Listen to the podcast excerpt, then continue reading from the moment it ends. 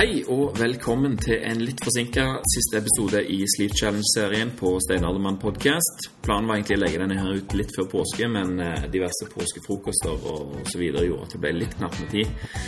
Uansett så er jeg nå her, og episoden den er sponsa av forlaget Lille Måne, som gir ut bøker om eh, mat, paleo, LCHF og egenutvikling. Sjekk ut lillemåne.no og forlaget Lille Måne på Facebook for å få med deg hva som skjer der. Barefootjuice.no er også sponsor. Masse nytt kult på plass for tida, bl.a. et helt nytt proteintilskudd som nettopp er lansert fra Pure Pharma. Sjekk det ut på barefootjuice.no, og der finner du òg selvsagt Stein Aldermann kaffe og andre kjekke ting. Men jeg tror vi rett og slett setter rett over til, til Pål og Bergljot, som er på plass for å snakke om hvordan det har gått med Sleep Challenge. Yes, men da vil jeg ønske hjertelig velkommen til en eh, slags oppsummeringsepisode på eh, Stein podcast sin Sleep Challenge. Og jeg vil eh, ønske dere hjertelig velkommen tilbake fra dvale, Pål og Bergljot. Eh, takk, takk. Takk. Har det vært en søvnrik eh, siste, siste uker, eller hvordan har det gått? Kan starte du, Bergljot. Eh, ja, jeg hadde de to første ukene gikk veldig bra. Da var jeg fulgte alle råd til punkt og prikke. Ble litt vel fanatisk kanskje til tider. Eh, men så ble jeg syk. Og da sklei alt ut i eh, typ sånn eh, data på kvelden og Netflix og hele pakka. Så jeg måtte ta en restart etter det. Ble du frisk, ble du frisk av det, da? Eller friskere? Hjelp med Netflix. Ja, ja, det hjalp med Netflix. Mens jeg var det, syk. Ja. Iallfall hvis du får litt honning med der, så, så pleier det å hjelpe. Og Pål, hvordan gikk det med deg? Eh, jo, det har gått eh, veldig fint, egentlig. Nå må jeg jo innrømme at jeg hadde tjuvstarta litt, egentlig. Eh, og var sånn relativt godt inn i rutinene før selve eh, challengen, men, men at jeg på en måte har passa litt mer på. Og jeg fortsetter i. Jeg har ikke, jeg har ikke slutta noe, jeg har ikke endra på rutinene mine egentlig i det hele tatt. Eh, Jeg trives bare bedre og bedre med, med dette. Jeg følger ikke alle rådene våre til punkt og prikke. Eh, men jeg følger det viktigste. Jeg, sånn, jeg legger meg jo stort sett i ti, mellom 10 og 11 til vanlig. Da skrur jeg ned lysene klokka blir åtte. Jeg bruker aldri mobilen eh, etter det. Jeg kan se på TV, men jeg sitter ikke foran PC-en. Må jeg sjekke noe, så bruker jeg sånn F-lux. Eh, prøver å sove eh, åtte timer, og stort sett eh, klarer jeg ikke det. Eh, Men det blir i hvert fall som, blir som regel godt over syv, så det er ikke noe sånn, eh, det er ikke sånn helt krise. Og Jeg føler meg veldig, veldig godt. og trives veldig med disse rutinene. Så for meg så handler det veldig mye om, å- om den bevissthetstilstanden eller sinnstilstanden som man kommer i når man på en måte vet at eh, når klokka er åtte, så, jeg, så legger jeg fra meg PC og mobil. sånne ting. Da, er det ikke, da teller ikke mailer lenger. Da, da skal jeg slappe av og bruke tid på meg sjøl og familie og sånn. Bare det å på en måte ha en unnskyldning for det har vært veldig viktig for meg. Ja, jeg kjenner meg veldig igjen i det du sier. Jeg hadde jo eh, tjuvstarta en del eh, før, så jeg var egentlig godt i gang. Men eh, når vi begynte, så luket jeg liksom vekk de, de siste tingene. Men jeg var veldig godt i gang med, med å bare ta på flight mode klokka åtte og slenge igjen PC-en. Og, og skru ned lysene. Det gjorde vi jo allerede klokka Eller vi går på badet med ungene når klokka er halv sju etter barne-TV. Og da forsvinner lyset overalt. Vi skrur det ned på badet mens vi steller de, og stearinlys på, på soverommet mens vi leser og synger og sånne ting. Og, eh, og da er liksom stemningen satt allerede for resten av kvelden. Da er det mørkt, og du er liksom inne i en sånn trøtt fase, og det er ingen problem å legge seg tidlig, rett og slett. Og som et under så har faktisk min yngste datter Ylva begynt å sove om natta akkurat idet Sleep Challenge begynte. Om det er fordi at vi har vært eh, nøye med lyset, det kan det være. Jeg liker iallfall å tro at det, at det har noe å si. Men uh, i alle fall så syns jeg at, eh, at uh, Sleep Challenge har funka veldig greit for å, som du sier, Pål, liksom bli litt mer bevisst på, på hva det er som, som gjør at vi kan få, få sove godt og våkne med en skikkelig god følelse om morgenen. Det er veldig spennende du tar opp med, med, med barn, òg, for det er jo på en måte noe som vi ikke har, egentlig har, har, tatt opp. Men Men um, hvor lett det kanskje kan være å glemme barn sin døgnrytme og ta hensyn til den, som uh, for det første er annerledes enn vår og, og lenger, fordi de trenger mer søvn, og at de også har samme behovet for å på en måte roe ned og ikke få voldsomme uh, sosiale stimuli, eller for så vidt fysiske heller, sånn seint på kvelden. Um, dempe lys, gjøre rolige aktiviteter, få på en måte endra sinnstilstand til de også, før de skal sove. Det, det, er også noe som vi kanskje bør passe litt mer på, eller burde tenkt mer på, dette med barn også har det samme behovet. Ja, ja for det er iallfall en helt annen verden eh, for meg nå etter, etter vi begynte med, med det. altså. Eh, det kan vel alle småbarnsforeldre som har opplevd våkenetter, eh, skrive under på at når det er over, så er livet et helt annet. Eh, så det er jeg veldig, veldig takknemlig Eh, jeg vet ikke om dere hørte den miniepisoden, den første som jeg hadde, som handla om eh, å dele søvnen opp i to omganger. Ja, ja. Eh, jeg har jo blitt veldig frista til å teste dette, her, for når jeg legger ungene sant, de, Jeg blir jo trøtt sammen med de sant, når det er jeg som leser for dem og skaper denne her, liksom, innsovningsperioden. For de så blir det jo sånn for meg òg. Mm. Så jeg må jo prøve også på en måte stå opp igjen i anførselstegn når jeg er ferdig med det. Eh, men det har jeg tenkt når høsten kommer. Nå, jo, nå, blir det jo sommer og veldig lys, sånn, men når høsten kommer, da skal jeg teste rett og slett gå og legge meg etter jeg har uh, sendt ungen i seng. Og så prøve å se om jeg våkner i 12-1-tid og står opp og gjør noe kreativt, for så å legge meg igjen. Hmm. Det er absolutt verdt å teste. Um, ikke det at det, det er sånn vanskelig å si om det er noe bedre eller verre, men på en måte hvis du, hvis du trives med det og føler deg bra med det, så så er det jo, så er det jo bare bonus. Ja, det er liksom det. Og det som, det som trigger meg veldig i forhold til dette, her, det er det som hun dama sa på den TED-talken. Eh, og det var at disse folka som, som, kom ut fra denne her bunkersen Nå vet jeg ikke helt hvor lenge de hadde vært der, mm. men de hadde iallfall vært i et, eh, et miljø der, der klokka og, og, og døgnrytme var på en måte avskrudd, så de, de gjorde bare det som de følte for. Og de, de, delte alle sammen opp søvnen sin i to omganger. Og når de kom ut igjen, så sa de at eh, de hadde aldri vært våkne før. Ja. Mm. Og det, det, er noe som jeg virkelig fanger min oppmerksomhet. altså. Tenk å være så våken som du aldri har vært før. Det er veld, veldig spennende. Det er jo et av de, de grunnleggende prinsipper som jeg mener man, man, bør ha hvis man skal få god helse eller ønsker å få bedre helse. Det er jo dette med å eksperimentere og drive testing på seg sjøl. Altså man, man, må skjønne og forstå at man, veldig mye av det man gjør i hverdagen, er sannsynligvis ikke optimalt. og Hvis du lurer på om det kan endres på det, så må du bare du må teste. teste og Sove på ulike måter, sove på ulike underlag, spise forskjellig mat, trene på forskjellige typer, eh, trene på forskjellige måter. altså alt alt må testes, og eksperimentering er en del av, av veien. Ja, en del av livet, rett og slett. Altså, mm. Det er jo en nysgjerrighet til livet, rett og slett. Ja. Så det har denne her Sleep Challengen eh, hjulpet meg eh, å komme i gang med. Og sånn var det når jeg tok eh, Paleo Challenge for første gang for ja, jeg vet ikke hvor mange år siden det er nå. Men det òg la grunnlaget for hvordan jeg lever livet mitt nå, mange år senere. Og og sånn er det med veldig mange områder i livet, at du kan eksperimentere med sånne ting og legge til vaner som, eh, som du rett og slett finner ut at fungerer bedre for deg. Mm. Mm. Men det, jeg lurer på, har du fått mye tilbakemeldinger fra andre som har vært med?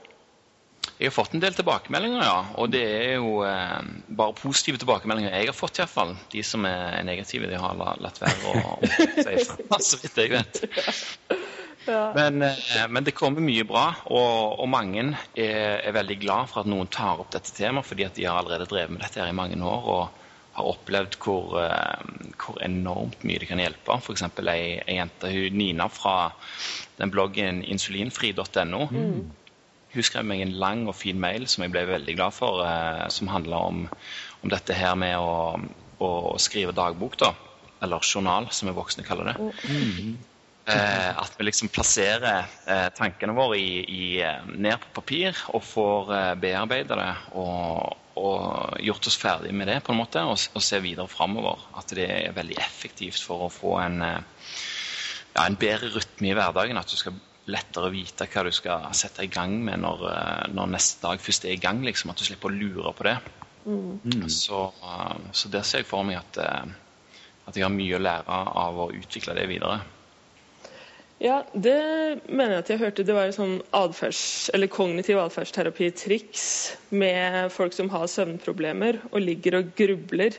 Da skal du stå opp, og så skal du skrive ned hva er problemet, og så skal du skrive hva er det første skrittet du kan gjøre mot å løse det problemet. Sånn, Ja. Hvis du driver og grubler på økonomi f.eks., så kan det første være å lage et budsjett. Ikke sant? Mm. Og da har du på en måte allerede tatt det første skrittet, og da skal det bli lettere å sovne. Eller ikke gruble. Mm. Eller hvis du har en haug med regninger, så kan du tenke hvordan skal jeg få betalt den ene, f.eks. Hvis det er økonomiske problemer du har. da. Ja, Når du har fått kvitt deg med den ene, så er du jo allerede i gang. ja. Og da har du det i boka di. Ja, ikke minst. Jeg har ikke gått tilbake og lest noe særlig av det som er skrevet, da. Men eh, Jeg tror ikke heller er så viktig, altså det der med å gå tilbake. Men, for jeg tror det er eller, ja, Dette er jo bare spekulasjoner, men inntrykket mitt er at veldig mange sliter med nettopp dette med at hodet er fullt av tanker om kvelden. At, eh, at vi ikke klarer å slå av den der eh, eh, konstante indre eh, pratinga med seg sjøl som skjer inni hjernen. Og en, at én måte å gjøre det på, altså det finnes mange metoder på en måte, bedre på. En, en måte er jo med meditasjonsteknikker og sånne ting. En annen ting er rett og slett å bare skape litt ro med å skrive ting ned. Og, og når det er skrevet ned, så forsvinner det ut, og da har du oppnådd målet ditt. Og så trenger du kanskje ikke å se på det seinere engang. ja, for det er liksom det at du reflekterer så mye over det i det du skriver det ned, at, eh, at du klarer å sortere det. Men jeg lurer på om det var Jonas Kolting som sa det at folk legger seg med en understimulert kropp og en overstimulert hjerne. Mm, det er Så- veldig godt sagt. ja, så det er jo lurt å være i en viss eh, fysisk aktivitet i løpet av dagen. Eh, og det, jeg har faktisk drevet og skrevet ned hver dag på hvordan det har gått, eller registrert ting jeg har gjort. Og da ser jeg at de dagene når jeg har gått tur på kvelden, da får jeg sove med en gang. Da sovner jeg i titida. Det er spennende. Og, Ja. ja, og så ser jeg at hvis jeg ikke har gjort det, så går det mye treigt. En sliten Det er jo ikke det man må være utmatta, men jeg tror nok eh, absolutt at Bergljot er inne på noe veldig viktig. Det er dette med å være så, i hvert fall litt, litt aktiv, sånn at musklene eh, har lyst til å slappe av når du legger deg ned. Eh, ja, at de har litt behov for restitusjon. ja, rett og slett. Mm. Men vi var jo inne på dette med å ikke trene. Vi, vi ga jo et råd om ikke trene seint på kvelden nå. Ikke, har, dere, har dere fulgt det, f.eks.? Ja, jeg har fulgt det iallfall. Og, eh, og det som jeg òg har gjort eh, Vi hadde jo òg en liten sånn eh, Vi nevnte en liten ting at det å få pulsen litt tidlig på morgenen kan være en, en bra ting for å, for å komme i gang tidlig. da. Så jeg har prøvd å gjort sånne småting om morgenen som bare får pulsen opp litt grann, og får litt grann blod i hodet iallfall. Sånn stå på hendene litt og gjerne formrolle litt eh, og sånt mens jeg lager kaffe og frokost og sånne ting. Og det, da, da blir du litt sånn Du får litt lyst til å knipse og være litt sånn litt i farten, rett og slett. så, så det hjelper på det. altså, Bli liksom skikkelig våken om morgenen istedenfor å gå og dra ut den der trøttheten i mange mange timer. Sant? Hvis du hadde stått opp, gått rett på bussen og sittet der i en time og liksom øh, nesten slumra, så, så drar du liksom ut så lenge. Burde egentlig bare sette på Eye of the Tiger med en gang man står opp. Ja, det kunne vært en god idé. Eller jeg liker jo veldig godt også den her Det er en sånn tale av Arnold Schwarzenegger som går, går eh, rundt omkring på Facebook. Det er noe veldig sånn Den er sikkert fin å høre om morgenen. Ja, det er sikkert. eh, Sikkert et eller annet med Ja. Får du en litt sånn mekanisk følelse òg i Ja. bevegelsene dine. Hva Er det, er det den derre regler for suksess, eller hvilken er det? Jeg vet ikke helt, jeg har hørt eh, forskjellige, men jeg liker iallfall Uansett hva han sier, så liker jeg å høre stemmen hans. Da må, har du hørt det siste intervjuet til, til um, Tim Ferris på Tim Ferris Show med Schwarzenegger? absolutt, absolutt har jeg hørt det. Ja, for det er jo utrolig interessant. Så, Veldig interessant. ja, ja, det er det faktisk. Spennende. Og uh, den podkasten kan jeg varmt anbefale. Det er Tim Ferris' podkast. den laster du ned. Og mange interessante gjester. Han er jo en innflytelsesrik person etter hvert. Han tror jeg har en finger med i spillet omtrent overalt og kjenner alle som har vært å kjenne. Ja, så det er jo en god egenskap. Ja. Han har jo et triks også i den derre The Four Hour Body. Med, eller han har vel et eget kapittel om søvn. Um, og det der, hvis du legger deg ned i sånn militærstilling, så skal det lettere gjøre at du sovner. Og det Det har jeg tatt til meg. Når du ligger på magen og ligger med den ene, altså armene og beina opp på den ene sida til høyre. Å ja, altså at du ligger i skyteposisjon, liksom? Nei, eller de kaller det vel militærstilling for at soldater har lagt seg i den stillingen, for da beveger du deg minst. Og da er det lettere å falle til ro. Det er den stillingen det er vanskeligst å røre på seg. Ja. Var det forståelig? Ja, det er Ja, ja, ikke, det er jo ikke et stabilt eh, sideleie. Stabilt sideleie, på en måte, bare til stabilt mageleie. Ja. Eller ja, mageleie, ja, blir det på en måte. ja, du ligger på magen, og så ligger du med eh, høyrearmen opp og høyrebeinet opp Ja, ikke sant? i 90 grader. Ja, ja det er, jeg klarer ikke å sovne i en sånn stilling. Eh, Men det ligner på den stillingen jeg må inn i før jeg sovner. Eh, Jeg legger meg alltid Det er for så vidt interessant, jeg vet ikke, dette med stillinger, men jeg er jo en av de som alltid legger meg på ryggen først, og så når jeg skal sovne, så legger jeg meg rundt magen, og da sovner jeg. Ja.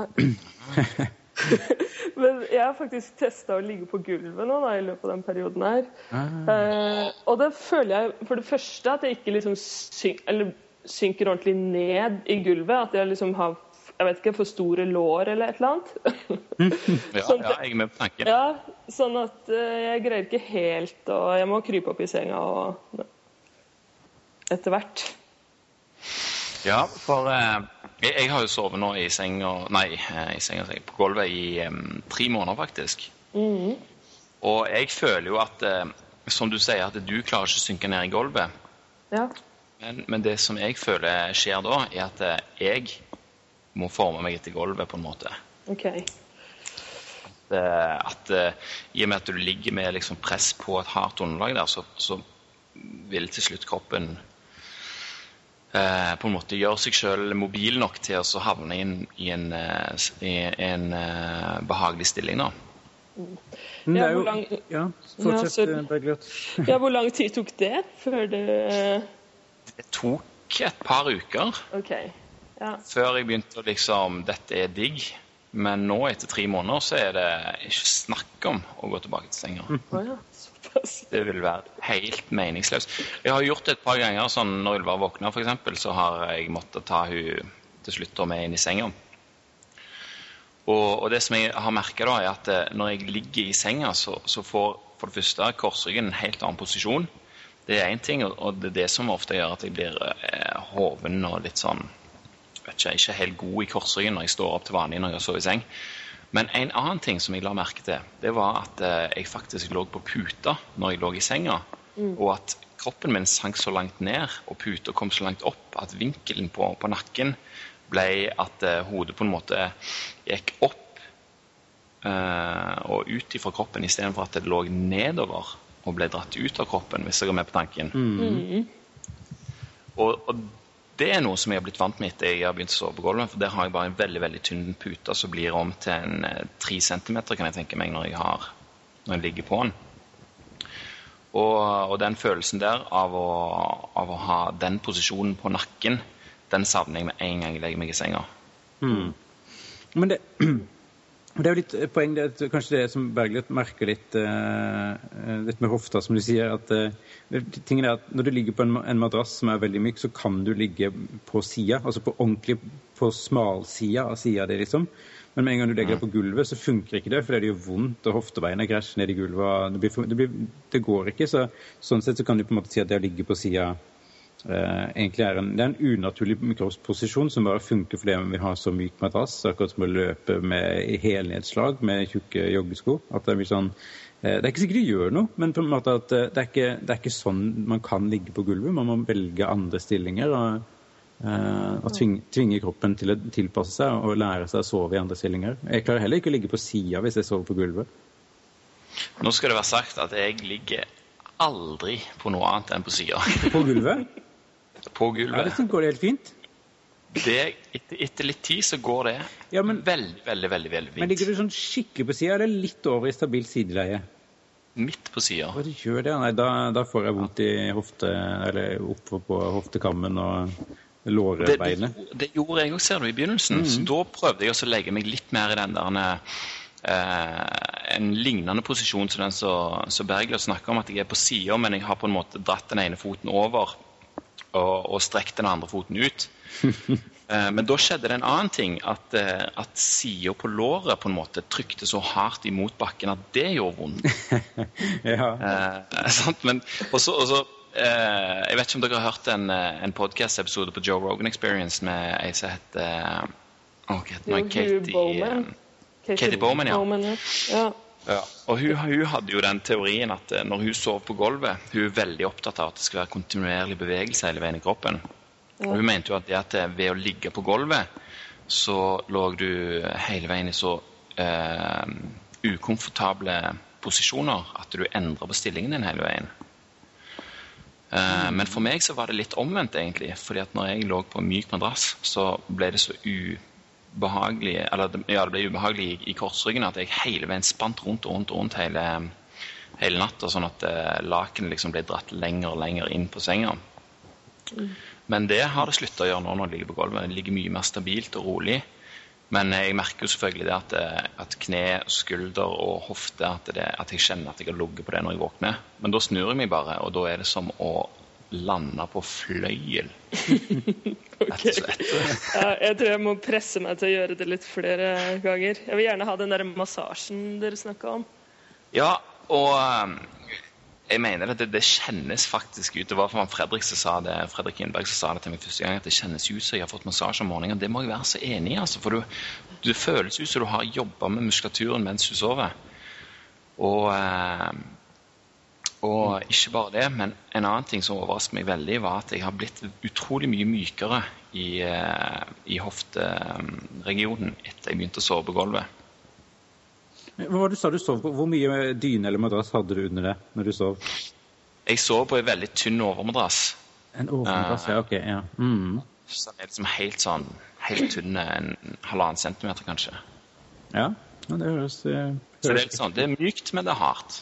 Mm. Har du ikke, Sover du på gulv med varmekabler eller varme i, eller noe sånt? Eller er det kaldt gulv?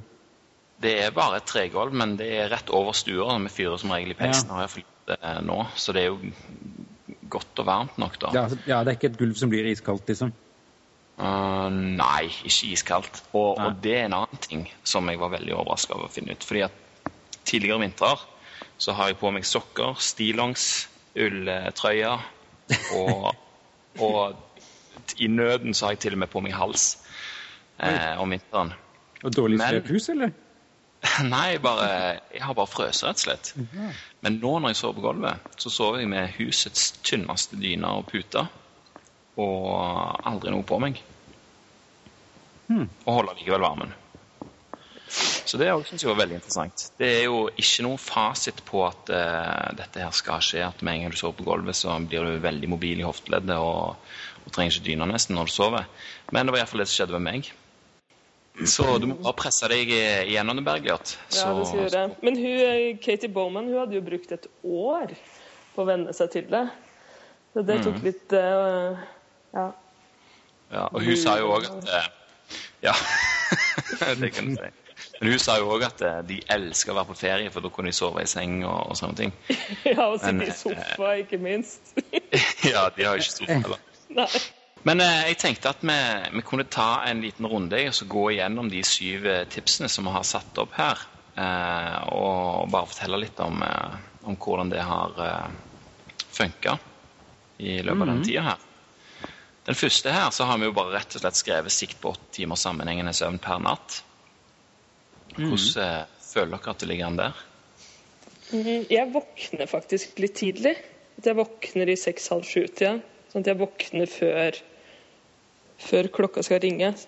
Men jeg har merker det at jeg våkner, våkner før telefonen, og istedenfor å Sånn som kommer på neste, neste tips, det å stå opp uten å slumre, det har ikke vært noe problem i det hele tatt, for jeg våkner egentlig før klokka.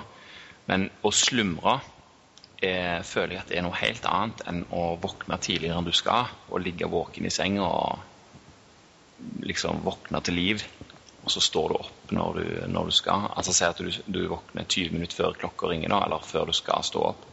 Du bruker den tida til å bare ligge i senga og vente på at du skal stå opp, nesten. Men klar, klarer du å slappe av da? Hvis, du våkner før klokka Du vet at du går på et visst tidspunkt. Det er ikke sånn at du våkner og tenker at ah, shit, nå, nå mister jeg en halv time søvn der jeg egentlig burde sove. Eller klarer, man, klarer du på en måte å nyte den tida og tenke at da, da får jeg bare en halvtime der jeg kan ligge her og kose meg og slappe av? Ja, jeg, eh, jeg våkner jo alltid eh, og er supertakknemlig fordi at jeg ikke har blitt vekt av eh, Mm. diverse unger og sånt. Ja. Så for meg så er det helt fred og fornøyelse, rett og slett. Å våkne opp bare sånn Ingen som krever noe av meg. 20 minutter. og så og så skjer jo ting av seg sjøl når ungene våkner, selvfølgelig. Ja. Men veldig veldig avslappende. Det blir jo omtrent som en meditasjon. Ja. At du våkner sakte, men sikkert der, bare snur deg i senga og ah, puster. Og, og da er du jo våken da når du står opp, istedenfor at du er at du er groggy, liksom, og at du har blitt vekt. Ja, ja. Ja, apropos det med meditasjon, jeg har prøvd å lese en bok om meditasjon siste tida, på senga. men Det er helt umulig. Da jeg bare ser på boka, så sovner jeg. Så det, jeg har funnet ut at det, det går ikke. Da, eh, selv det er en kjempegod bok, altså, men det blir sånn, du blir avslappa bare at du ser på den. og Det, er sånn, det nytter ikke. Så du Ja. ligger og leser samme kapittel hver eneste kveld etter hverandre. Så. Men jo, jeg skjønner godt den der at du kan eh, føle at du kan få den første eh, tida på morgenen til å rett og slett eh, være litt i en, en uh, avslappa sinnstilstand. Ja, noen minutter for seg sjøl, altså, det, det er gull verdt. Mm. Ja, er absolutt.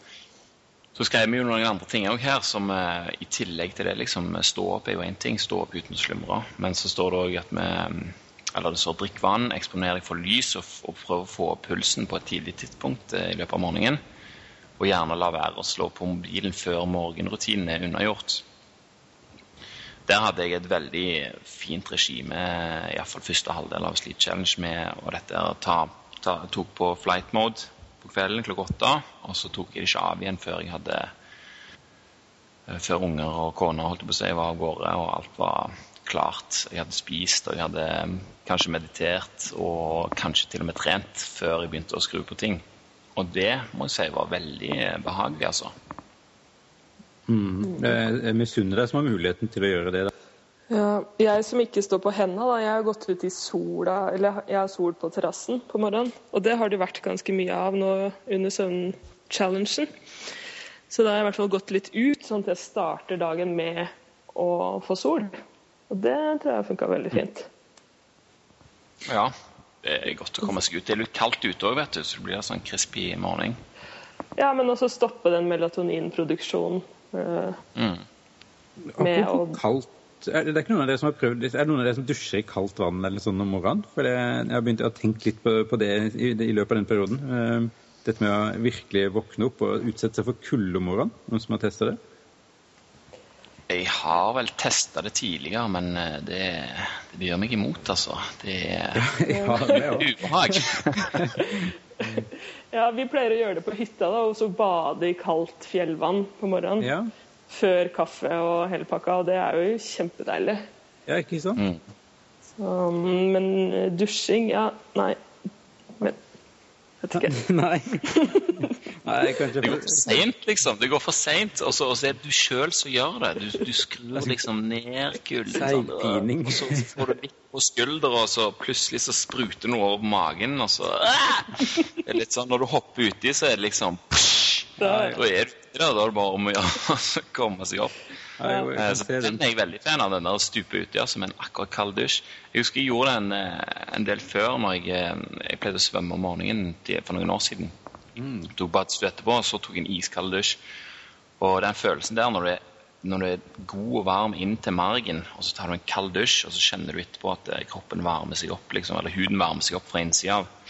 Veldig digg følelse, altså. Mm. Det er det. Jeg har bare, min erfaring er at jeg blir trøtt av det, i hvert fall når jeg gjør det ute på dagen. Hvis jeg driver med isbading eller, gjør, ja, eller bader i kaldt vann, så blir jeg veldig søvnig av det etterpå. Men jeg har aldri prøvd å gjøre det om morgenen. Eh, så jeg har lurt litt på det. Vi må teste ut og, og kjøle seg skikkelig ned, ta en iskald dusj sånne ting tidlig for å se hvordan, eh, hvordan det føles ut. Det er ganske eh, fresh, det, ja, kan jeg tenke meg. Ja, det skal, det skal jeg teste. Ja. Masse lys og et iskaldt bad om morgenen. Da, da er du våken, altså. Mm. Ut på terrassen til Bergljot. ja. Ja. Og et kaldt bad. Mm. Nettopp. Ja. Og apropos kaffe, som du nevnte, Bergljot, så har vi jo eh, nummer tre her. Å unngå kaffe og andre kaffe, koffeinholdige drikker etter klokka fire. Ja. Det har ikke vært noe problem for meg. Kanskje. Nei, ganske greit for, for meg òg. Det har hendt at jeg har sett på klokka liksom, og så er den halv fem, så var det sånn Nei, jeg må ha en kaffe nå. Men stort sett så går det veldig greit. Ja, jeg tror jeg skeia ut én gang, liksom. Halv fem. Ja. Det var litt crazy. Jeg husker når vi snakket om eh, disse her eh, helt innledningsvis, eh, Pål, så satte jeg egentlig opp klokka to. Ja. Men det ble drøyt til klokka fire. Hvordan har du uh, koffein har en halveringstid på noen timer, da, det, men det, det, er, det er, likevel Det skal ikke være nødvendig med å uh, Ja, du skal ikke trenge å kutte det ut så tidlig, egentlig. Ikke for folk flest, i hvert fall. Nei. Men det er jo um, men jeg tror også for, for mange, det, for mange så er det, tror jeg det å, å, følge et råd som dette er kanskje det viktigste ved det, er å bli bevisst sin egen kaffedrikking og bruk av kaffe. og, og på en måte Om man blir stressa av det eller ikke. Eh, jeg er jo en av de som gjerne tyr til kaffe når det er stress. Eh, og det forverrer bare stresset, og jeg er fullstendig klar over det. Men eh, det er da det er godt òg. I tillegg til om morgenen. da, så Morgenen er jo ikke stressa, men når arbeidsdagen begynner, så er det bare, da løper man rundt med en kaffekopp hele dagen. Og så løper man til toget fra jobben, og så tar man en kaffe. og så ja, drikkes det stort sett i stressituasjoner. Så det, for meg så, så er det å sette opp en sånn regel for meg sjøl at etter fire skal jeg ikke ha kaffe uansett. Så det, det hjelper veldig til å bli, bli bevisst det. Og så har jeg fått drukket mye mer god grønn te siste tida, så det, det er egentlig bare fint. Og det er jo på en måte det er jo på en måte hele poenget med, med Sleep Challenge er jo at vi skal bli litt mer bevisst sånne småting som vi kan gjøre, som plutselig blir en vane, som vi, som vi drar, eh, drar eh, goder ut av. Mm. Mm. Jeg er helt enig. Så. Og så kom den som du snakket om, Pål. Uh, unngå å trene for seint på dagen. Ja. Det har gått veldig greit for min del, altså. Det har jeg ikke Jeg har ikke likt å trene seg inn på dagen fra, fra før av, egentlig. Så jeg prøver mm. alltid å få, få gjort det før, uh, før seks, i, i tilfelle. For det, for det, der er litt sånn rart, for det, jeg satt og tenkte på det når, når, jeg var yngre og drev med ulike idretter og, og, og, trente relativt ofte, og hvor ofte det var disse treningene faktisk var ganske seint på kvelden, og jeg skulle på skolen dagen etterpå. Og ofte kom hjem og bare kasta med noe mat, og så var det rett i senga.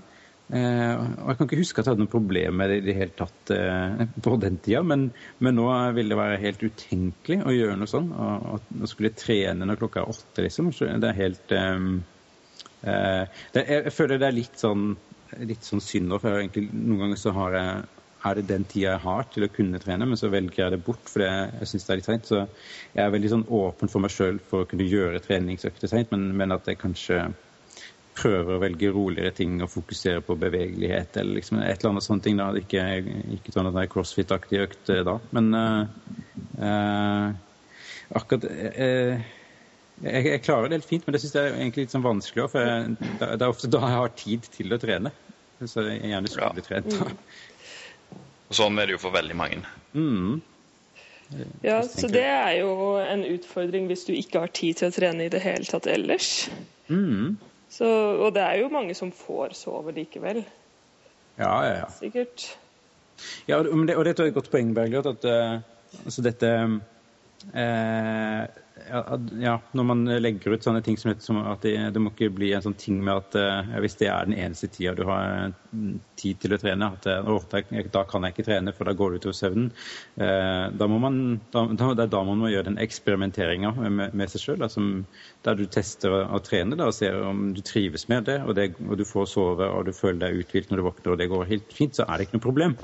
Nei, ikke men man må teste det ut på seg sjøl, rett og slett. Ja. Mm. Ja, det er nok ikke sånn én hatt som passer for alle på de råda her. Det er det absolutt ikke. Nei. Det er det. Og folk, folk, er i så forskjellige situasjoner òg. Sånn som jeg har små barn, Andre har ikke kanskje singel, og noen har en krevende kone, kanskje. Ikke vet jeg. Men det er mange ting som spiller inn. ja. Men uh, jo, det er ja. jo helt riktig. Veldig sant. Vi tar oss en liten pause for å snakke litt om de kjekke sponsorene for, eh, for podkasten. Lille Måne Forlag med godeste Jan i spissen har masse gode bøker som kan være nyttige nå rett etter påske. Spesielt hvis du har spist mye snop og sukker og, og lilla påskeegg og sånne ting, så kan det være godt med, med litt skremsel fra Robert Lustig, som har skrevet boka 'Søtt og farlig', som han heter på norsk. Eh, på engelsk heter han 'Sugar the Bitter Truth'.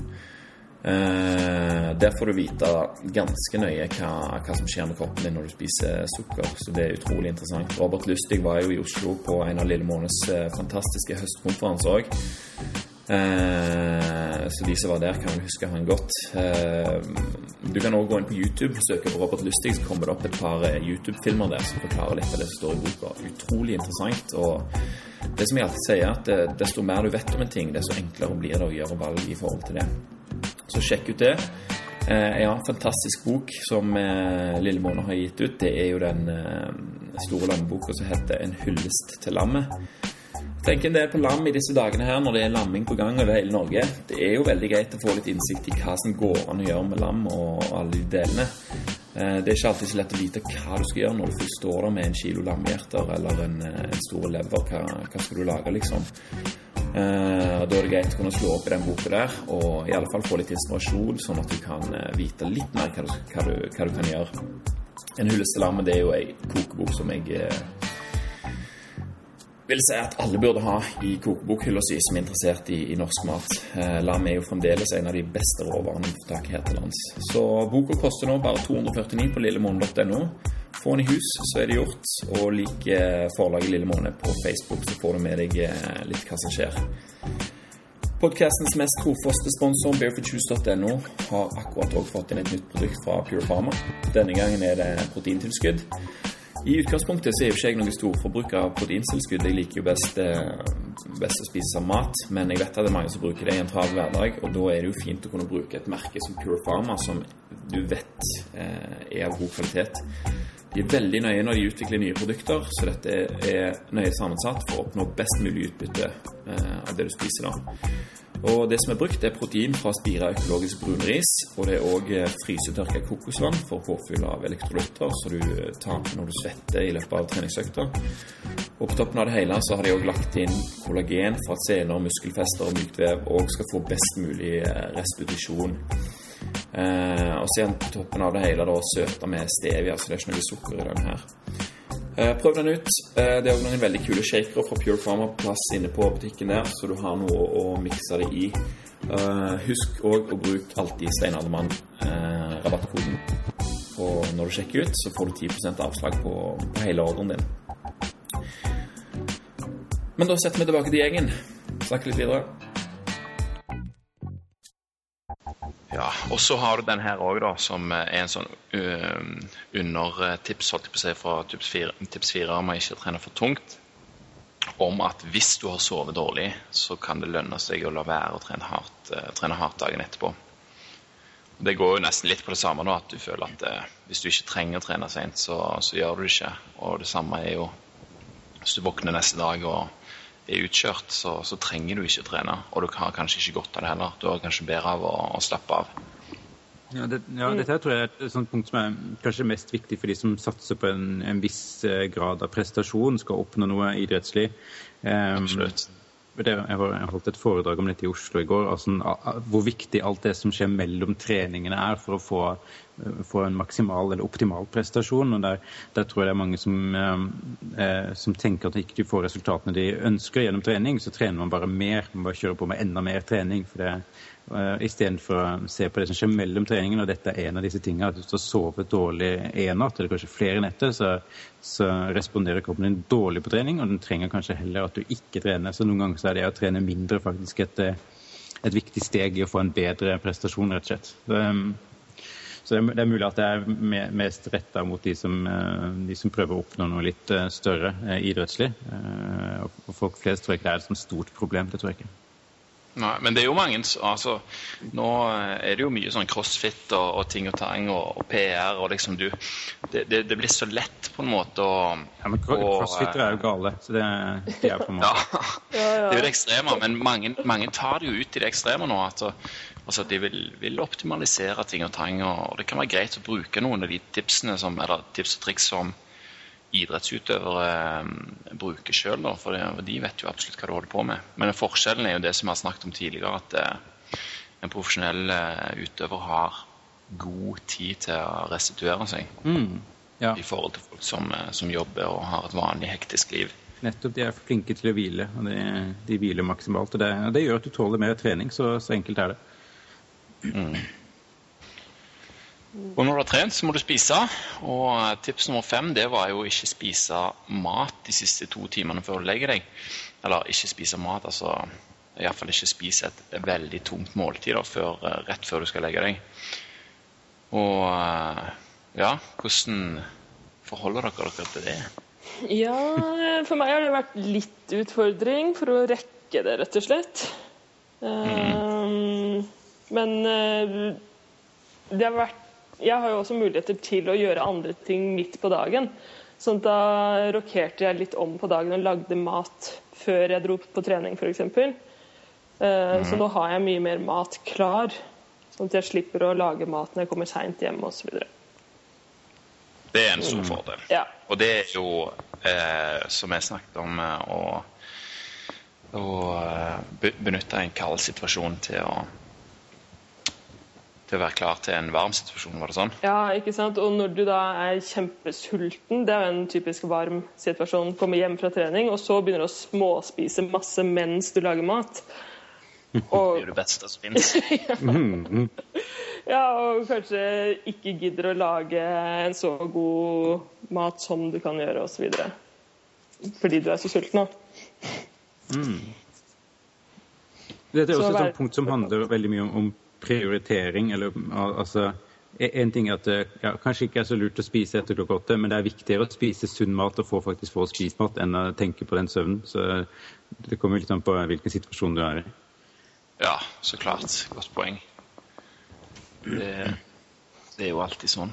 Jeg trives veldig godt med, med, med det der. Det er noe av det som, gjort, som, jeg føler har gitt meg veldig mye i siste tida. Det er når jeg slutta å spise seint. Jeg føler meg mye bedre når jeg legger meg. Jeg føler meg bedre om morgenen og når jeg ikke spiser mat om kvelden.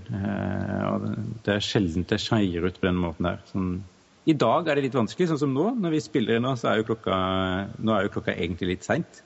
Så nå, ja. nå, spiste jeg før, før, jeg skulle prate med dere, og så ser jeg at jeg, jeg, ble egentlig litt, jeg er fortsatt mer sulten, egentlig. Ble ikke helt ferdig. Så da, da er klokka over åtte da, etterpå. Men um, i dag får det gå fint. Um, men uh, det, er, liksom, det, er sånn, det, er, noen dager der det, bare, det skjer ting altfor seint. Du har vært, uh, vært, på et eller annet som skjer om kvelden, og du har ikke fått tid til å spise mat, og så må du hive i deg noe. Og der, der er det jo det er, jo viktigere å få spist mat og få i seg ordentlig næring enn å, enn å, være redd for å legge seg med full mage. Altså. Det det. Mm. Ja, helt klart. Vi kan være glad for det er ikke podkastinnspilling hver kveld, Pål. Takk for det. ah. Nå kjenner jeg Netflix rope her i bakgrunnen. ja. Jeg sitter jo her og stirrer, inn i en skjerm jeg nå midt på kvelden. Det er jo helt uh... Ja, jeg også gjør det. Jeg tror jeg, ja, men Flux eh, er av òg. Det oppdaga jeg plutselig nå. Uh... Og jeg er slått av. Det er derfor det er så blått her. Ja, mm. I går holdt jeg foredrag, faktisk. og da Midt i foredraget, for jeg brukte min egen PC, så slo det her Flux-programmet seg på, så ble alt helt rødt. Jeg glemte å slå deg. Da har du en liten sånn sak å forklare, da. Nei, du, eh, dere skal høre, jeg, jeg, er med en sånn eh, sleep challenge her. Og... Ja, det, det, er jo på en måte en, en, mulighet for å nevne det, for så vidt. Så det eh, viser at jeg kanskje tar det seriøst. Ja, ja, absolutt. Og da går vi jo, kan vi jo gli rett over i tips nummer seks, da, som jeg mener er det som har eh, mest å si av erfaring etter disse disse ukene her, og det å skru ned kunstig lys et par timer før sengen. Mm. Hvordan merker du det, da? Eller hvordan føler du at det har en effekt? Jeg har aldri slitt med at jeg sovner eh, i sofaen, f.eks., eller eh, sånne ting. Mm. Jeg alltid holder meg våken. Men eh, i det siste så har jeg kjent meg utrolig trøtt på kvelden. Og til slutt så går jeg bare rett og slett og legger meg. Og Jeg husker jeg snakket om det tidligere òg, at eh, jeg tror jeg snakket med deg, Bergljot, om det i den episoden der. Mm. Om at eh, jeg pleide å legge meg ned og skrive litt i den dagboka før jeg sovna. Ja, Nå stemmer det. har jeg ikke sjans, nå har jeg ikke sjans til det. Ja. Jeg rett inn på med, og trekker ned eh, rullegardiner og så er lyset av og sånt. Og, og så snakket jeg om hvor så koselig det var å ha stearinlys med seng og lese litt sånn. Jeg må glemme det. Jeg sovner lenge før jeg får sjans, akkurat som du med meditasjonsboken din, Pål. Ja. Jeg- jeg- Det er litt, det er litt skuffende, men veldig deilig samtidig. Ja. Altså, det, det er jo veldig deilig. Og, og det som det har ført til, at det, da hopper vi rett opp til, til punkt nummer én igjen. at det, eh, I begynnelsen der, når jeg begynte å gå inn i dette her, så plutselig Og da hadde jeg faktisk eh, eh, Den hette så mye som Sleep Cycle. Ja. Veldig fin app for å, å se hvordan du, hvordan du sover. Og jeg, jeg sov jo ni timer, ni og en halv time plutselig. og og jeg følte jeg fikk inn så sinnssykt mye søvn, rett og slett. Og så begynte det å stabilisere seg litt mer. Og da begynte jeg å våkne litt tidligere. Og eh, var liksom ikke avhengig av å, å ha noen klokker når jeg våkner, for jeg våkna lenge før det. Og, og, og kunne ligge og slappe av, sånn som jeg snakket om i stad. Men eh, å få noen skikkelige netter i ukes tid der med ni timers søvn hver dag omtrent, det var helt fantastisk. altså. Da har du et helt annet utgangspunkt eh, for søvnen videre når du har på en måte klart å hente deg inn. De sier jo at eh, du ikke kan hente inn søvn, men jeg vet ikke helt hva jeg skal si. altså. Det føles ut som du kan det. Ja, det er, men det er skikkelig tøft. Det er jo at du liksom, ja, bare gis deg muligheten til å faktisk kjenne på hvordan det er å sove nok. Eller sove Ja. Bare, jeg bare sitter og tenker på så synd at ikke alle får oppleve det som, det som du beskriver der. At ikke Stearinlys i hele huset fra klokka åtte. Ikke noe lys noe sted. Vi har noe lys, men det er veldig eh, Skrur av det aller, aller meste og har på et lys i hjørnet her og der. Ja. Og så litt stearinlys. ja. Og så en av de viktigste tingene som det står òg her, eh, tror jeg, det er at eh, lyset på badet når du pusser tennene Som oftest så har du et lys rett over speilet. Som ikke bare treffer deg i trynet, men lyset treffer også speilet og gir deg enda mer refleksjon i, i fjeset. Sånn at du får et ekstremt kraftig lys i, i ansiktet akkurat rett før du skal legge deg. Og det, det tror jeg har mye å si. At Hvis du, hvis, du kan, hvis du har en dimmer på badet, eller iallfall kan skru av det Vi har en egen bryter for det lyset som er rett over uh, speilet, så jeg bare skrur av den, og så dimmer jeg resten av lyset ned. mm. Og, f- liksom, og det bruker vi på ungene òg, og det merker jeg at det har veldig mye å si. Jeg har hatt noen sånne dårlige situasjoner, med det, eller vanskelige situasjoner der jeg- har hatt ting som har satt fast i noen tenner eller sånne ting som jeg må prøve å få ut, Så må jeg ha masse lys om kvelden for å få det til. Eller for å se på, se på et eller annet i øyet mitt eller sånne ting. Så må jeg liksom sette øyet helt inntil lampe på badet eh, før jeg skal legge meg. Det, det føles ikke godt ut, men noen ganger så må jeg gjøre det likevel. Det er jo det du skal spare til morgenen, vet du. Da er det jo på med 1000 meter rett i fleisen. Ja, jo, jo, ja, ja, legge seg med masse eh, svære kjøttstykker mellom tennene. Men har du ikke, men har du ikke fått sove da, fordi at du har eh, hatt Jo. lys i ansiktet? Nei, nei, nei, og jeg, får jo sove likevel, så det går helt fint. Men jeg, kjenner jo på en måte Det er noe med at man eh, har kanskje skrudd ned lyset i stua, er en veldig sånn Du er veldig i en sånn god flow, god stemning, eh, klar for å sove, og så går du inn på badet, og så setter du bare en lampe rett i trynet fordi du skal ordne et eller annet. Og det, og da, du blir på en måte Ja, jeg vet ikke, jeg føler meg litt sånn Det føles ikke noe godt ut. Jeg føler meg vekka.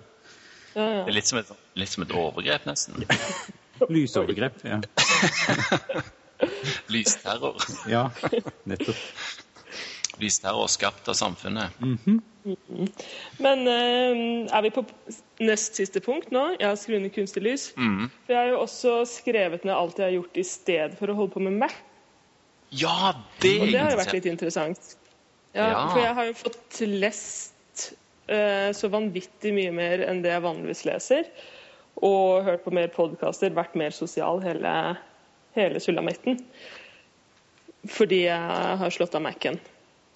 Og det er, jo, det er jo noe av det mest verdifulle en kan ta nesten ta ut av en sånn en eh, challenge dette her. Å få å tilegne seg mer kunnskap og være mer sosial. Altså, Vi vet jo at det å være sosiale produserer hormoner som får oss til å føle oss godt.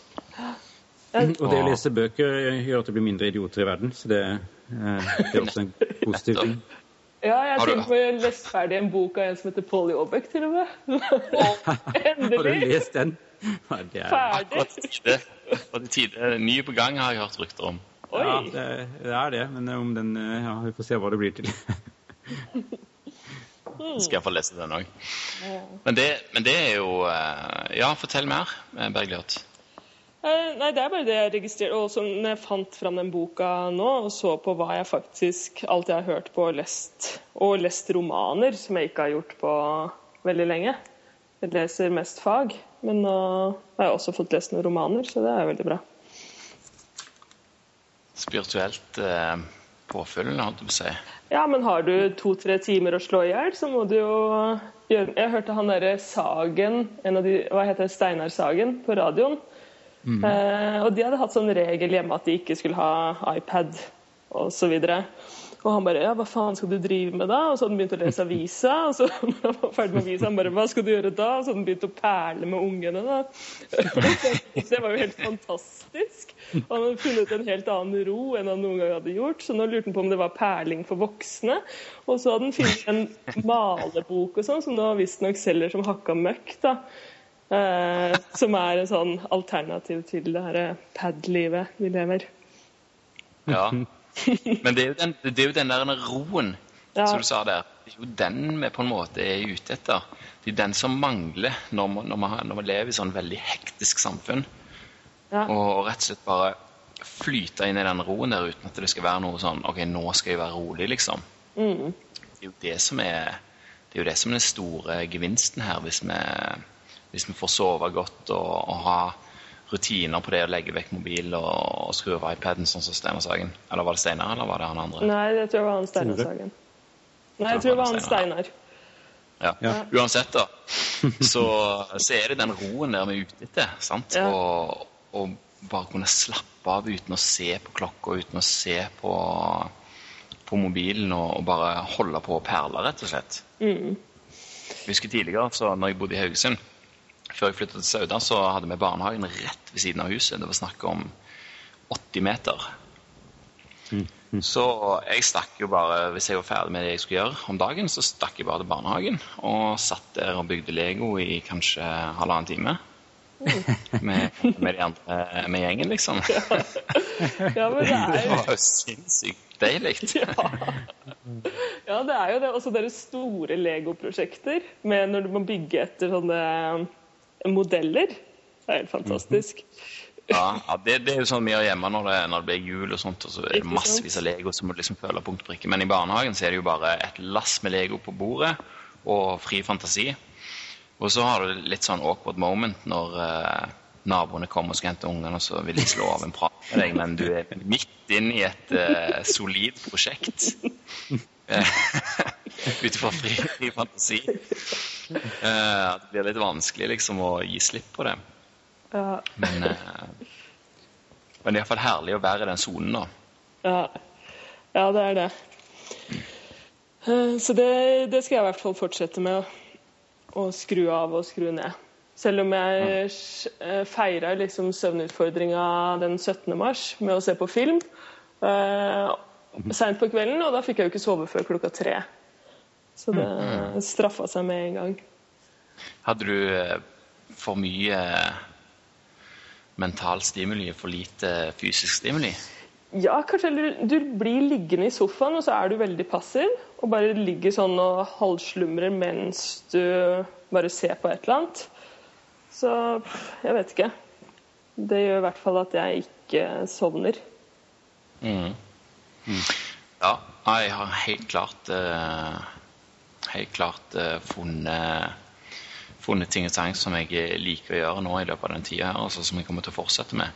Og de sa Det var vel en eh, Jeg vet ikke hvem som som forsker på det, men det tar omtrent 66 dager der du tvinger deg til å, å, å gjøre en ting, der det plutselig går over til å bli en vane som du ikke lenger eh, trenger å anstrenge deg for å, for å få til.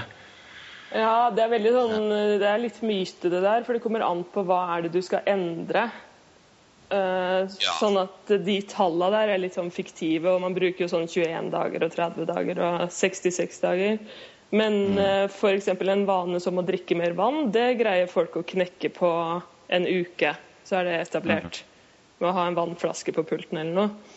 Men uh, sånne ting som å drive og ta situps hjemme i stua, det er det jo gjort forsøk på der man får det ikke til. Altså, man greier, Det er mulig! ja, man greier ikke å etablere det som en vane. Så det kommer an på hva det er, men sånn alt fra en uke til åtte måneder. Men mm. ja. Oh, en uke til åtte måneder. Men i alle fall, hvis du har et sånt tall å forholde deg til, da, så Ja. har du iallfall et mål, på en måte. Også om det har skjedd da, allerede før det inntreffer, eller om du får, føler for å fortsette etterpå, så har du iallfall eh, jobba litt med det. Ja, ja, ja. ja. Og så må du øh, Hvis man detter av hesten en gang, eller en dag, så må man ikke la alt fare, som folk gjerne gjør. At 'Å nei, da var ikke det noe for meg, så da kan jeg bare drite i det og se på TV og Mac eller Netflix resten av livet'. Men at man må raskt, raskt tilbake. jeg føler for å sitere en ekspert innen atferd som sier at eh, en skal ikke la bra, nei, perfekt står i veien for bra. Ja, akkurat. Høres jo kjent ut? Ja, ja. Det står vel på nettsida mi, det. Ja. Det er et veldig godt poeng, syns jeg. Ja. At eh, selv om dette her har vært eh, syv tips, liksom, sånt, og jeg har ikke gjort det perfekt sjøl, eh, og det har eh, gjerne ikke dere heller. Men uansett så har jeg fått eh, henta mye ut av det nå, og, og har gjort noe som jeg kan definere som bra. Om ikke det var perfekt, iallfall. Ikke sant? Ja. Så noen nye vaner har det blitt. Ja. Så kommer vi til, til aller siste punktet, da, og det er så enkelt og greit som å ha det helt mørkt og kjølig på soverommet. Det Nå i, i den senere tid, når jeg har bare gått opp på rommet og lagt meg, og det er kaldt og godt der, og jeg drar ned rullegardinen, og det er helt mørkt Det er veldig fint, tror jeg, for søvnen. Mm. Det, en, ting, en ting som også er der, som jeg har på en måte kjent litt mer på nå siste, det er nå som det har begynt å bli litt lysere. Så, og jeg har sovet godt. Eh, så liker jeg at jeg blir vekka av lyset. Eh, Helt enig. og det mister jeg hvis jeg, hvis jeg er altfor nøye med å gjøre rommet mørkt. Altså tette alle sprekker om kvelden, på en måte. Um, eh, så der, der, er, der er litt sånn delt der, sånn, men jeg, jeg, jeg, vet at det er viktig å ha det mørkt. Du må skru av lyskilder, ikke ha eh, ovner og, og lader og sånne ting med blinkende lys som, som lyser i rommet. Men, men kanskje det, hvis du har tid og mulighet å trives, eller, ja, trives med det og få sove nok, så, så benytte seg av muligheten til å bli, bli vekka av lyset. Nå, eh, det går jo ikke, altså I Norge så går jo stort sett ikke det utover på sommeren, for da, da er det jo lyst klokka på en måte tre om natta, så begynner det å komme lyset. Da, da, da, blir det for tidlig. Men nå, den tida her så er det ganske sånn perfekt for meg at, eh, at lyset kommer. Så det kan være gøy kanskje for folk å teste det også litt ut, faktisk. Ja, ja for det Jeg har jo veldig, veldig god utsikt for rommet. Eh, Så når jeg våkner opp om morgenen, hvis jeg ikke har trukket for gardinene, så ser jeg rett opp i fjellheimen eh, når jeg våkner, og det er veldig, veldig behagelig. Men det gjør jo at jeg må slippe inn lyset litt før jeg bør, egentlig. Mm. Iallfall om sommeren. Dette var jo i, i fjor sommer da vi flytta her til. Men eh, jeg har tenkt litt på å lage meg en slags eh, innretning som eh, på en eller annen måte eh, drar opp rullegardiner klokka seks, f.eks. Ja, ja. En timer, Sånn jeg- en liten motor. Det oi. det. Ja, eller annet greier som får det til å skje. Fins Sånn at liksom, vroom, ok, det- Nei, det fins ikke, men ennå.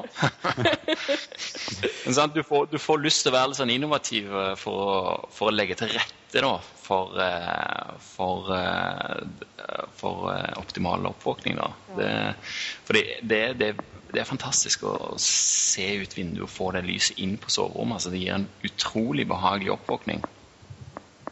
Men det Ja, må jo finnes en sånn Jo, eh, det- fjerntidsinnstilt uh, rullegardin eller et eller annet. Ja, ja. Det fins Det kan garantert. ikke være så, ja. det kan ikke være så vanskelig.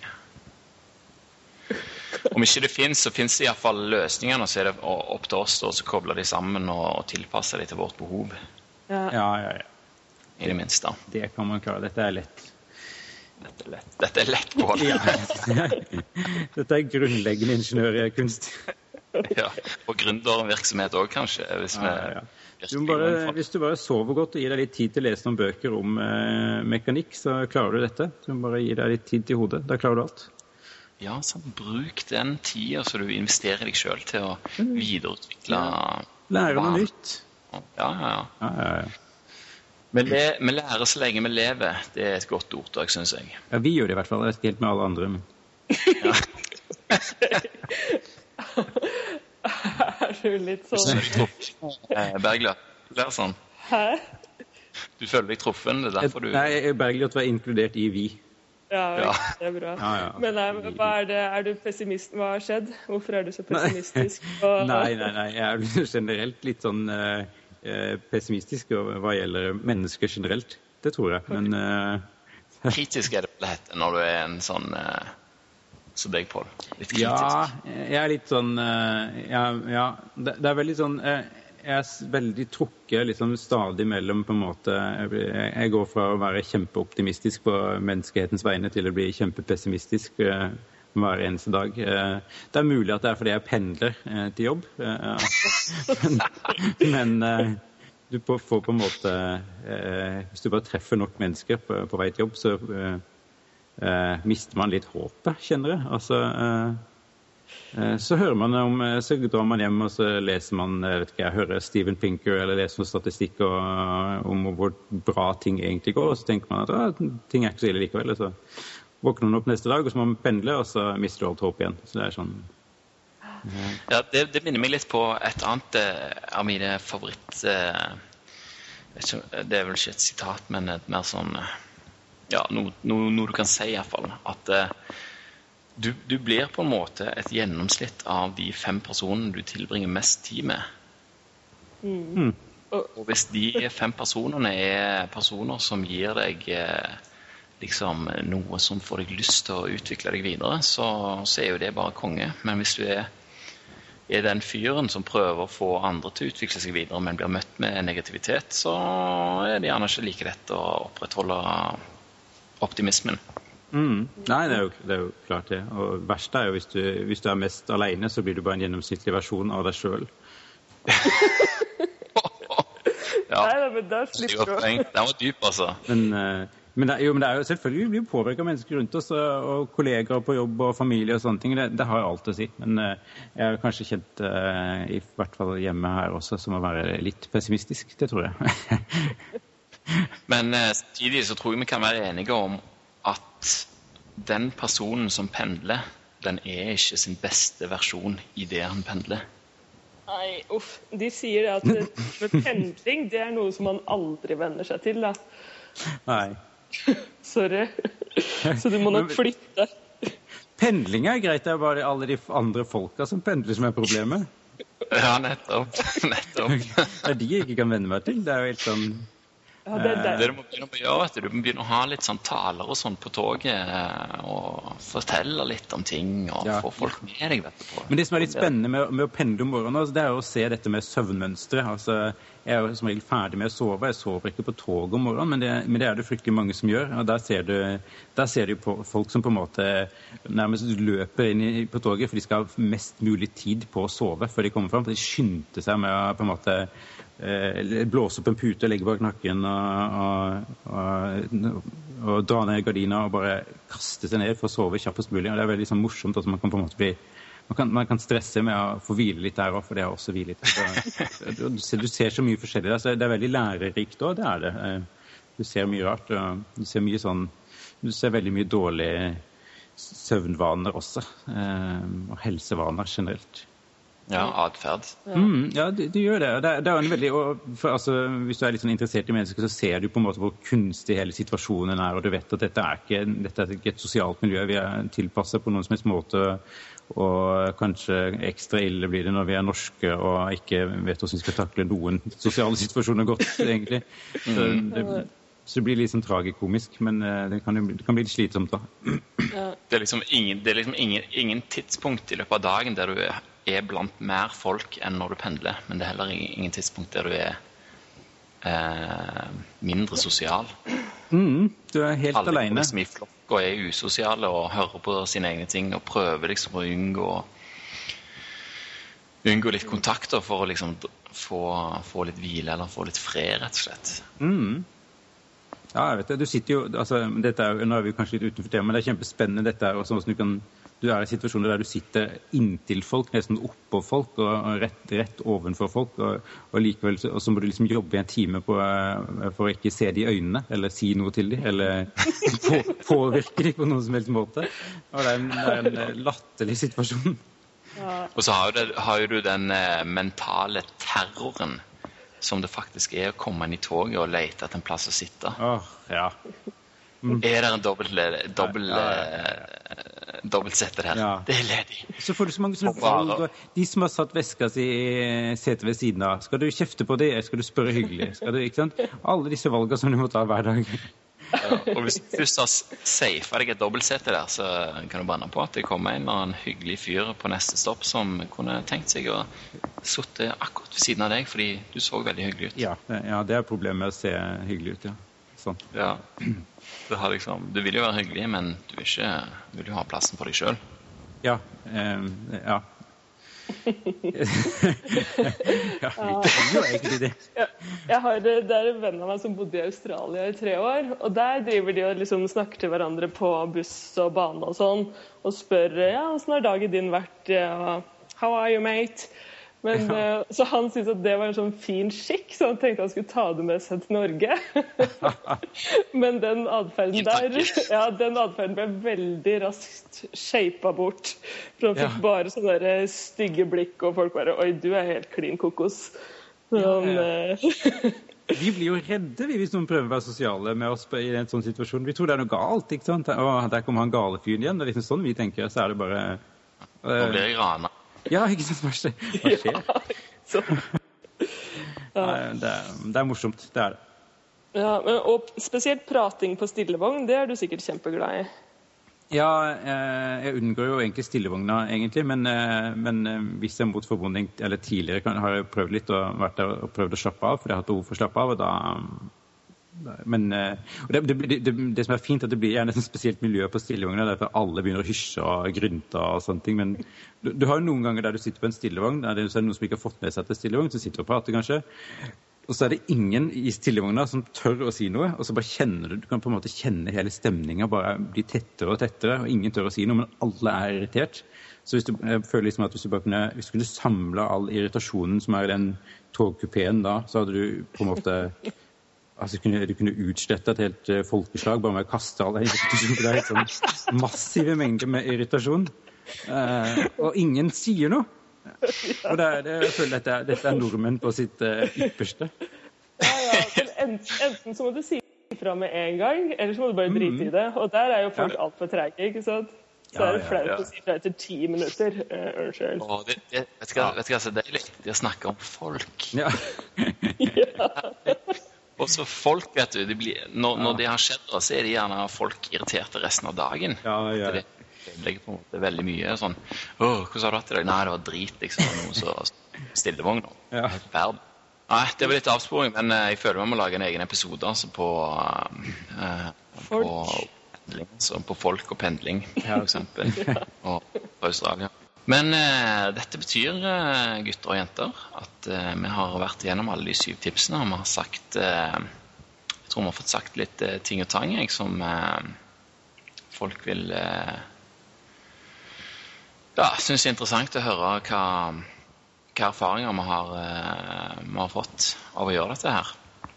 Og det meninga fra begynnelsen av, det var jo at folk skulle få litt mer være litt mer bevisste på, på dette med soving og hva de kan gjøre. Noen enkle triks de kan gjøre eh, for å få bedre søvn, og rett og slett prøve det ut. Og for min egen del så må jeg iallfall si at jeg har lært veldig mye av denne prosessen her. Eh, spesielt det å planlegge det og, og finne ut hva, hva tips vi skulle legge vekt på, og hva som betyr mest og sånne ting. Det har vært utrolig lærerikt. Og med en gang du holder på med det, så får du lyst til å prøve ting hele veien òg.